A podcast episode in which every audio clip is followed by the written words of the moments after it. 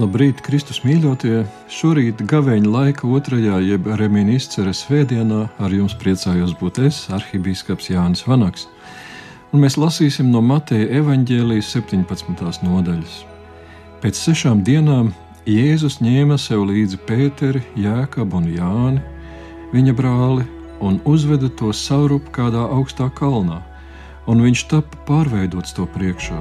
Viņa vaigs mirdzēja kā saule, un viņa drēbes tapa baltas kā gaisma. Un redzi, tiem parādījās Elija un Mūzus, tie sarunājās ar Jēzu. Un Pēteris vērsās pie Jēzus un sacīja: Kungs, šeit mums ir labi. Ja tu gribi, es šeit uzcelšu trīs teltis, vienu tev, vienu mūzum un vienu elijam. Kad viņš vēl runāja, redzi, spožs padebesis tos apēnoja, un pēkšņi balss no padebeša atskanēja: Šis ir mans mīļotais dēls, uz ko man labs prāts. Klausiet viņu! Mācekļi to dzirdēdami ļoti nobijušies, krita uz sava vaiga, bet Jēzus pienāca tiem klāt un pieskāries teica: Celieties un nebaidieties! Acis pacēluši, tie vairs nevienu citu neredzēja, kā vienīgi Jēzu. Lūksim! Dievs, Kungs, Svētais Gars, mēs lūdzam svētī mūsu tavu vārdu patiesībā, jo tavi vārdi ir mūžīga patiesība. Āmen!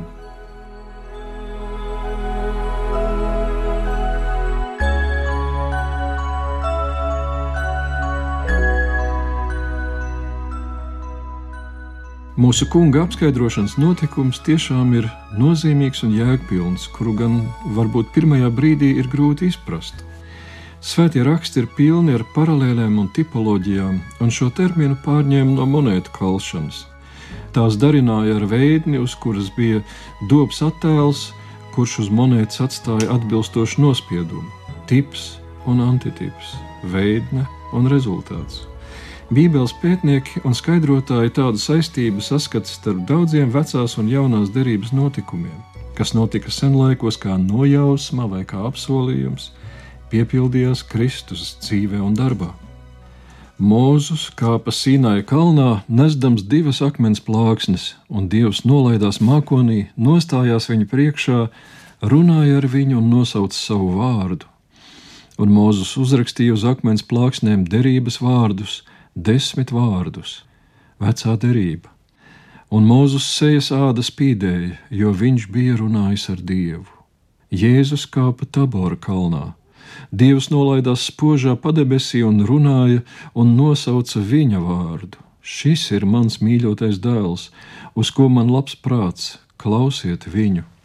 Tas bija it kā Dievs būtu nosaucis savu vārdu, jo iesākumā bija vārds, kas bija pie Dieva un bija Dievs. Vārds, kurš tapa miesa un mājoja mūsu vidū, mīļotais dēls. Un šim brīdim ir liecinieki, Trīs, kas deva liecību virs zemes, Pēteris, Jēkabs un Jānis, un trīs, kas deva liecību debesīs, Mūzus, Elija un Tēvs, kas runāja spožā padebesī. Un ļoti zīmīgi, ka klāt bija tieši šie liecinieki. Kādēļ Jēzus aicināja tieši Pēteri, Jāni un Jēkabu? Šie trīs kopā pārstāv dzīvu kristīgo ticību. Pēteris visvairāk mīlēja Jēzu, Jāni Jēzus visvairāk mīlēja, un Jēkabs bija pirmais no apstuļiem, kas deva dzīvību par Jēzu. Lūk, kristīgā ticība uzpirkstenī vai rieksta čaumalā, kā mēs teikt, mīlēt Jēzu, būt viņa mīlētam un veltīt savu dzīvi viņam, un tas dod iespēju būt Kristus godības lieciniekam, to skatīt un piedzīvot. Bez tam te var redzēt Jēzus gādību par mācekļiem, Viņš tiem ļāva redzēt apskaidrošanu, lai viņiem būtu spēks skatīt krustā sišanu. Kad raizējamies, kā stāsimies pretī briesmām un mokām, kad Krievija uzbruks vai kādas dabas nelaimes piemeklēs, vai kad tuvosies miršanas brīdis, kā gan lai sagatavojamies? Jā, protams, sagatavosim savus ārkārtas stāvokļu mugursomas, kā mūsu aizsardzības ministrija to mudina un māca, bet neaizmirsīsim sagatavoties tā, kā Jēzus sagatavoja savus mācekļus, ļaujot viņiem skatīt savu godību. Ja daudz būsim meklējuši un skatījuši mūsu kunga godību un bijuši liecinieki viņa darbiem, noteikti būs vieglāk izturēt gan ienaidnieka, gan stihijas uzbrukumus, gan savas miršanas pārbaudījumus. Taču kādēļ Dievs par sava dēla apskaidrošanas lieciniekiem izvēlējās Mūzu un Eliju? Tādēļ, ka viņi katrs pārstāvēja pašu svarīgāko vecajā derībā Mūzus pārstāvēja bauslību, un Elija pārstāvēja praviešus. Viņi dzird, kā Dievs saka tiem, kuriem jānes liecība virs zemes: Šis ir mans dēls, viņu klausiet. Mūzus un Elija to dzird un neiebilst. Bauslība un pravieši ir liecinieki. Viņu, Kristu Jēzu, Dieva mīļo dēlu, klausiet. Tā ir jaunā derība. Kad Mozus nokāpa no Sinaja kalna, viņš aizklāja seju. Tā spīdēja, jo ar viņu bija runājis Dievs. Apskaidrošanas kalnā, kad uz viņu Dievs runāja, mūsu kunga seja iemirdzējās, un tik daudz lielāks bija šis brīdis, ka Jēzum pat nebija ar ko aizsegt seju, visas viņa drēbes kļuva mirdzoši baltas kā gaisma. Kristus apskaidrošanas notikumā pamanām paralēli arī ar Mateja evaņģēlīja 4. nodaļu. Tur vēlns, Kristu kārdinot, aizved viņu augstā kalnā un rāda plašus apvāršņus, visas zemes, valstis un tautas, kuras apsola Jēzum dot, ja viņš metīsies zemē un vēlnu pielūgs. Un tur Jēzus viņam teica: Stāv rakstīts, tev būs dievu savu kungu pielūgt un viņam vien kalpot. Apskaidrošanas dienā Jēzus ņēma līdzi mācekļus uz augstu kalnu, kur viņi dzirdēja: Šis ir mans mīļotais dēls, uz ko man labs prāts, klausiet viņu!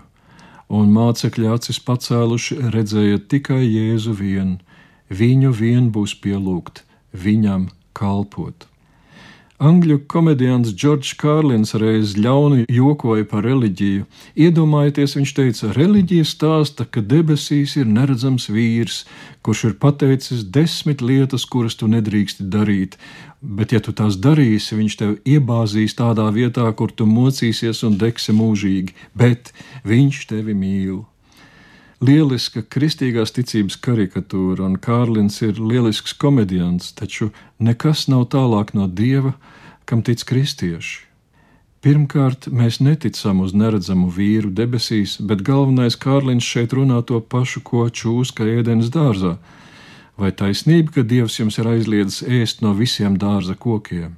Nu, nē, mēs drīkstam ēst no visiem dārza kokiem, tikai no viena nedrīkstam. Tā arī Džordžs Kārlins aizmirst vai noklusē tūkstošiem, miljoniem, miljardiem lietu, ko mēs drīkstam darīt. Vēl vairāk Dievs pats mums tās ir devis un mūs radījis spējīgus tās baudīt, un tikai tos dažus veidus, kā lietot šīs dāvanas, viņš ir aizliedzis. Tos veidus, kuri pasaulē ienes haosu un rada ciešanas. Īstenībā ir jāseko tikai vienam principam Tu vari lietot un baudīt daudz dažādu lietu, taču nevienu no tām nedrīkst pielūgt un dievināt. Neradītas lietas, ne vēlnu, pat ne mūzu un eliju. Pielūgsme un dievināšana pienākas tikai dzīvajam dievam, un mācekļi acis pacēluši redzēja tikai Jēzu vien. Neizkliedētas un pareizas pielūgsmes stāvoklis un tas bija tik labi, ka Pēters grib kaut tas turpinātos mūžīgi. Taisīsim trīs teltis, tev, Mozum un Elijam. Nav lielākas svētlaimes, kā būt pilnīgā lūkšanas un Kristus godības kontemplācijas stāvoklī un sacīt to Jēzum, Kungs, man ar tevi ir tik labi. Kristīgā ticība ir daudz kas vairāk par baušļiem un pareizu mācību. Tā ir piedzīvojums ar Jēzu un mierinājums mīlestībā uz viņu. To mums vajag meklēt. Tomēr neiekritīsim arī otrā grāvī. Interesanti, ka gan cilvēki, kas jūsmo par garīgumu, gan tādi, kas par to vispār neinteresējas, mēdz būt vienoti vienā lietā. Viņi nievīgi izturas pret dogmām. Fui, dogmas viņi saka, jo viņu uztverē tas ir kaut kas nepatīkams, ierobežojošs un novecojis. Tomēr dogmas nav nekas cits kā sakārtotas zināšanas. un tās ir visai noderīgas tieši tiem, kas grib kāpt garīguma kalnā. Palūkosimies vēlreiz uz Pēteri. Jau atkal viņā ir daudz dedzības, bet maz izpratnes. Priekš kam mūzum un elijam teltis? Viņiem tās nenoderēs, un ne tikai tādēļ, ka viņi ir debesu būtnes, bet arī tādēļ, ka viņi te netaisās kavēties. Pats Dievs nu pat bija runājis par Jēzu, viņu klausiet, viņš ir piepildījis bauslību un praviešus, viņš ir glābējs, kurš paliek, kad Mozus un Elija ir prom. Evanģēlists Lūka raksta, ka apskaidrošanas kalnā Mozus un Elija sarunājās ar Jēzu par viņa aiziešanu, kam jānotiek Jeruzalemē. Jēzus pats nesen bija mācekļiem stāstījis par gaidāmajām ciešanām un nāvi. Toreiz Pēters jau mēģināja atturēt Jēzu no viņa uzdevumu, lai Dievs pasargā tevi, kungs, tas nekad tev nenotiks, bet Jēzus sacīja Pēterim: Atkāpies no manis, Sātan, tu man esi par apgrēcību, tu nedomā pēc dieva, bet pēc cilvēka prāta ļoti skaidri un skarbi. Taču šī mistiskā piedzīvojuma kvēlē Pēters šķiet visu aizmirsis un atkal mēģina novest mūsu kungu no ceļa. Lai zināšanas sakārtotos un iesakņotos, ir vajadzīgs laiks un pūles.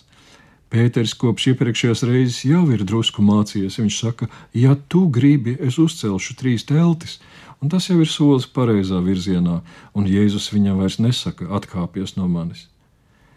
Kristīgai dzīvē vajag abus, gan kārtīgas zināšanas, jeb dogmas, gan piedzīvojumu ar Kristu un mīlestību uz viņu.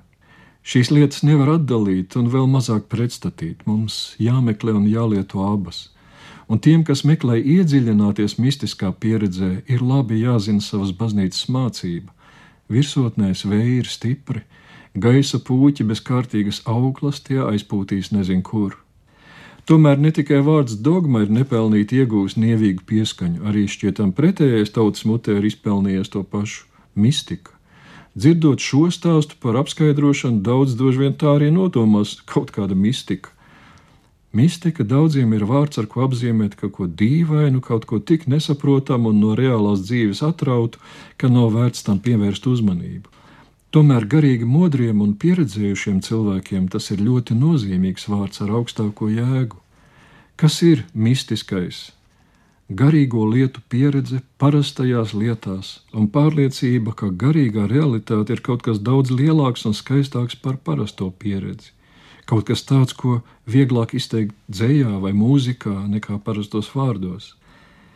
Ievērosim, ka mūsu kungs pasaulē īpaši publiskajā kalpošanā lielākoties atradās pazemības stāvoklī. Tikai reizi pa reizē viņš ļāva izpausties savai patiesajai dabai, un apskaidrošanas notikums bija visspilgtākā no visām reizēm. Mācekļi caur Jēzu piekļūst paaugstinātas apziņas kalnam. Tur viņi ierauga to, ko līdz šim nebija redzējuši. Arī mēs to varam caur to pašu Jēzu. Un tas attiecas pat uz to, kā paši sevi redzam. Padomju laikos kristietim būt pazemotā stāvoklī bija parastā lietu kārtība, taču laiku pa laikam mēs varējām ieraudzīt, kas mēs patiesībā esam, Dieva bērni, un tajos brīžos sirds un dvēsele varēja atspirkt un līksmot. Mūsu dienās mēs varam justies līdzīgi, jo daļa sabiedrības, kam patīk sevi uzskatīt par progresīvajiem, kā zināmajā dziesmā, tie gādā nakti un dienu, lai pazemotu kristīgo ideju un tās sekotājus taču mēs zinām, kas mēs esam, un apziņotības brīžos par to līksmojamies un esam laimīgi. Garīgās īstenības apziņa ir daudz lielāka un skaistāka nekā parastā pieredze. Uzkāpjot kalnā, alpīnists ierauga kalnus, kuri bija aiz kalna, plašu apvārsni ar baltām virsotnēm. Viņš uzņēmās visas pūles, lai nonāktu šajā vietā un ieraudzītu šo skatu. Bībelē var novērot, ka neparasti notikumi, kādas garīgas atklāsmes bieži notiek augstās vietās, kalnos. Mūzus kāpa Ciānas kalnā, Ābrahams Īzaku veda Morijas kalnā, Dieva templis uzcelts Ciānas kalnā. Stāvot kalnā, to redzi tālāk, plašāk, un līdzīgi mēdz aprakstīt mistisku pieredzi. Apziņa it kā paaugstinās, iegūst plašāku perspektīvu, kā raugoties no kalna gala, un tas ir kā palūkoties ar dieva acīm, redzēt lietas un kopsakarības kādas augstākas īstenības gaismā. saskatīt, kā viss ir saistīts savstarpēji Dievā. Apskaidrošanas kalnā mācekļi raudzījās uz Jēzu un redzēja dievišķībais cilvēcības. Šo notikumu ir iegājies saukt par apskaidrošanu. Jaunajā latviešu tulkojumā ir tulkots precīzāk. Jēzus mācekļu acu priekšā tika pārveidots, taču grieķu oriģināls pasaka vēl precīzāk - metamorfo. Meta nozīmē pāri par, augstāk par kaut ko, un morfē nozīmē veids, forma. Grieķu vārds metamorfothē grib pateikt, ka Jēzus ieguva augstāku formu par to, kāda viņam bija. Viņš atklāja tādu savas esamības dziļuma dimensiju, kāda iepriekš nebija redzēta. Mistiskajā piedzīvojumā mēs pieredzam, ka fiziskais ir ikona kaut kam vairāk, ir jāskatās nevis uz ikonu, bet tai cauri uz kaut ko lielāku, dziļāku un pārsteidzošāku, aizraujošāku. Un, lai aprakstītu šo piedzīvojumu, mistiķi bieži runā par gaismu. Kādēļ? Tādēļ, ka gaisma ļauj pa īstam ieraudzīt. Ir diezgan mokoši kaut ko lasīt pustumsā, kad uzspīd saule, ir liels atvieglojums, jo tad var salasīt skaidri, un varbūt vārds apskaidrošana tomēr savā veidā ir atbilstošs Nu ir skaidrs, nu es ieraudzīju un sapratu, kas bija aizēnots, tagad ir gaismā celts, nu es redzu ceļu tālāk. Gaismu bieži saista arī ar skaistumu. Mistisko pieredzi tās liecinieki visbiežāk saista ar skaistumu. Cilvēki, atgriezušies no klīniskās nāves piedzīvojuma, bieži runā par neizsakāmu skaistumu, ko viņiem bijis ļauts ieraudzīt. Evanģēlists Lūka raksta, ka pa to laiku, kamēr Jēzus lūdza Dievu un sarunājās ar Mūzu un Eliju, mācekļi bija iemiguši. Pēc gara un grūta kāpiena kalnā uznāca vakars un nakts, un mācekļi aizmiga, un kādā brīdī pamodušies, viņi ieraudzīja tumsā mirdzošo Kristu. Mēģiniet iztēloties, cik iespaidīgi, cik ļoti, ļoti skaisti. Man reizēm ir žēl pragmatisko un superkritiski domājošo cilvēku, kuri dižojas, ka netic nekādai mistikai, bet tikai redzamajam un taustāmajam. Viņiem šis skaistums nav pieejams, visbiežāk viņi paši sev to atņem. Bet Pēters kaut to brīdi neveiklā veidā grib skaisto mirkli aizkavēt, padziļināt, nostiprināt, un ne jau viņš viens Izcilu atklāsmi vietās ir uzceltas kapelas un veselas bazilikas, piemēram, Nācaretē, Bētlemes laukos, Asīzē un daudz kur citur. Jo mistiskais piedzīvojums ir gaistošs, tas nāk un iet, Bībelē eņģeļi atnāk un aiziet, gribas to paturēt.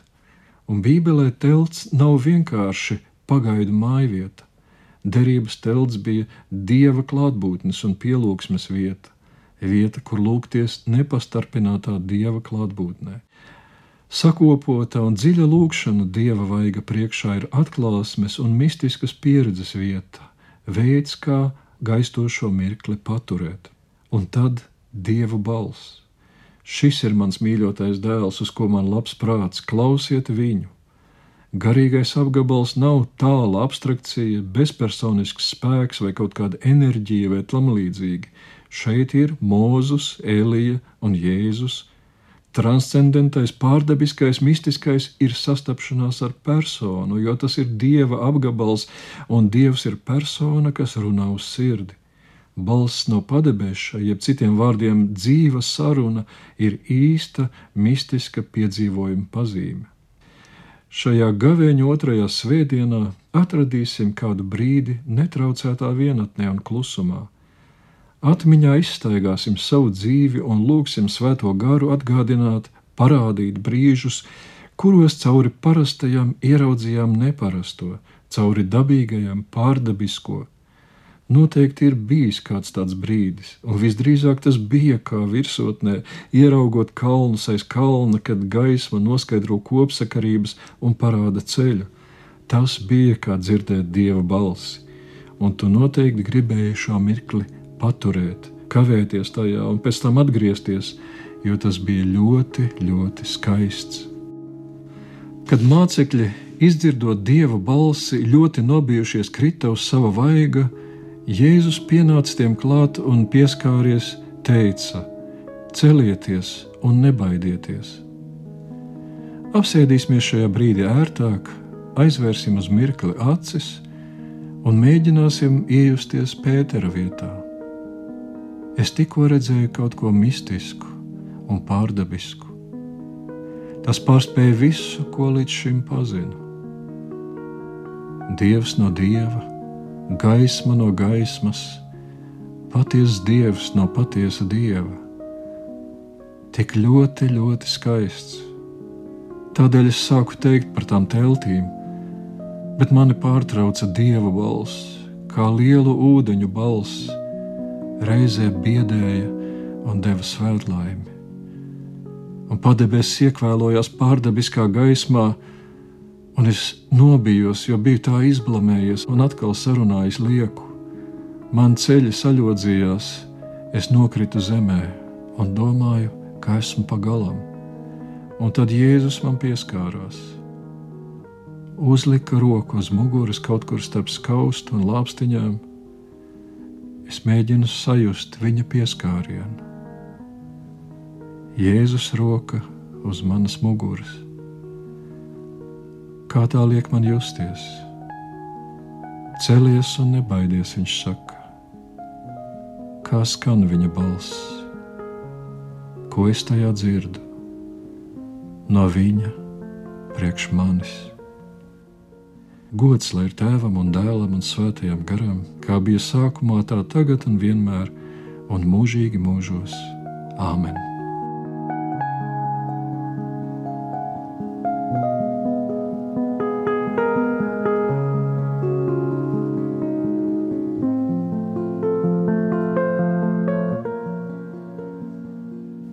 Lūksim! Mēs tevi lūdzam, visu spēcīgais Dievs! pieņem mūs, kad pazemīgi tevi lūdzam, uzliec savas majestātes labo roku, lai topam pasargāti. To lūdzam caur mūsu kungu Jēzu Kristu, tavu dēlu, kas ar tevi svētā gara vienībā dzīvo un valda no mūžības uz mūžību. Āmen! Svētrītā arī jums bija arhibīskaps Jānis Vanaks.